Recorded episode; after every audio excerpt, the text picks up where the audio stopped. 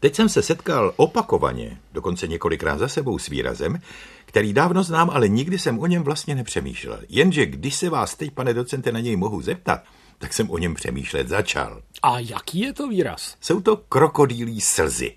Neboli, pokud to tedy mohu definovat, vnějšková neupřímná, ale za to až přehnaně, na odiv dávaná lítost nad něčím. Odkud se to rčení o krokodýlích slzách vlastně vzalo? Ty slzy bych ještě pochopil. Ale proč krokodýlí?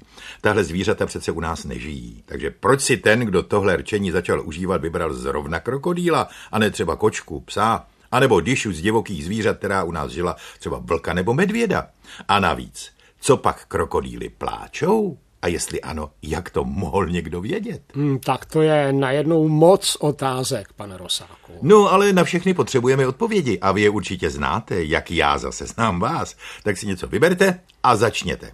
No tak hm, začněme možná od konce. Krokodýly sice nepláčou v našem slova smyslu, tedy jako projev nějakého duševního hnutí, ale skutečně mají slzné žlázy, stejně jako my lidé, které vyměšují tekutinu. A to zejména tehdy, když krokodýl požírá svou kořist. Aha, takže to vypadá, že je jim té ubohé kořisti nějakého zvířete nebo, nedej bože, člověka dokonce líto. Ano, ale skutečně to jenom tak vypadá, protože realita je taková, že to krokodýly, zrovna tak jako jejich blízcí příbuzní kajmani a aligátoři, samozřejmě nedělají z nějaké lítosti, ale zcela automaticky. Prostě při přijímání potravy otvírají čelisti tak široce, že to vyvine tlak na slzné žlázy a ty se pak samovolně vyprazdňují. Takže krokodýl opravdu roní slzy, i když to není tedy vůbec lítosti. No, ale to naši předci zřejmě nevěděli a tak si představovali, že krokodýl nejdřív svou oběť zabije a pak roní slzy, když ji žere. Je to tak, pane docente? Je to tak, nebo je to skoro tak, protože to nebyli naši předci, aspoň ne v nějakém uším českém nebo slovanském významu. Slovní obrat o krokodýlích slzách existuje snad ve všech evropských jazycích a používá se v nich už dlouho. Abychom toto tvrzení nějak doložili. O krokodýlích slzách psal ve svém díle Naturalis Historia už Plinius starší. A to je, jestli se nepletu, první století našeho letopočtu, protože Plinius přece zahynul při výbuchu Vezuvu, který v roce 79, ano, pohřbil Pompeje. Přesně tak.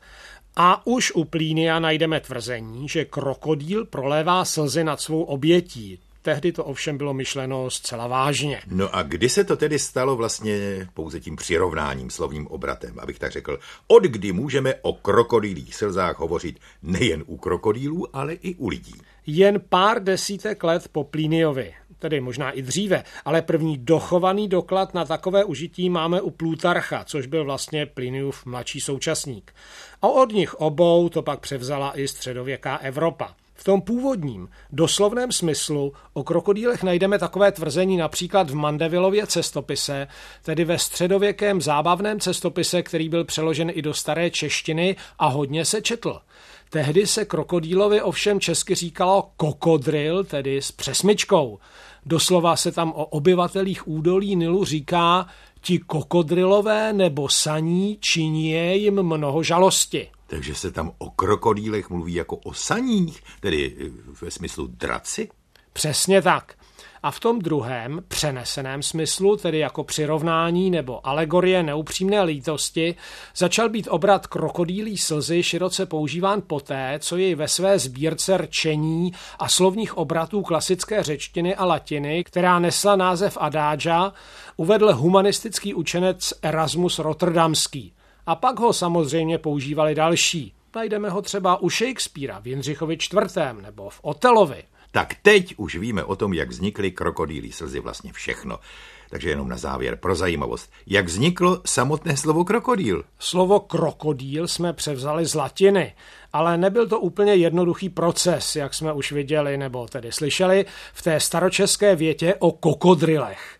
Vezměme to od začátku. Staří řekové se s krokodýly seznámili u Nilu. Což nemuselo být úplně příjemné seznámení. Hmm, to máte asi pravdu, ale v jazyce se to neodrazilo.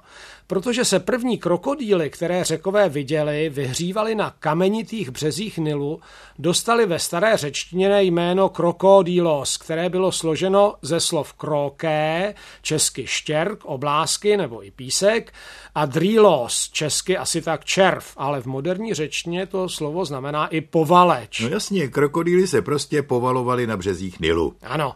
A proto bylo kombinací slov kroke a drýlos vytvořeno řecké slovo krokodýlos. Jen pro přesnost všimněte si, že v té druhé části služeného slova vypadlo jedno R.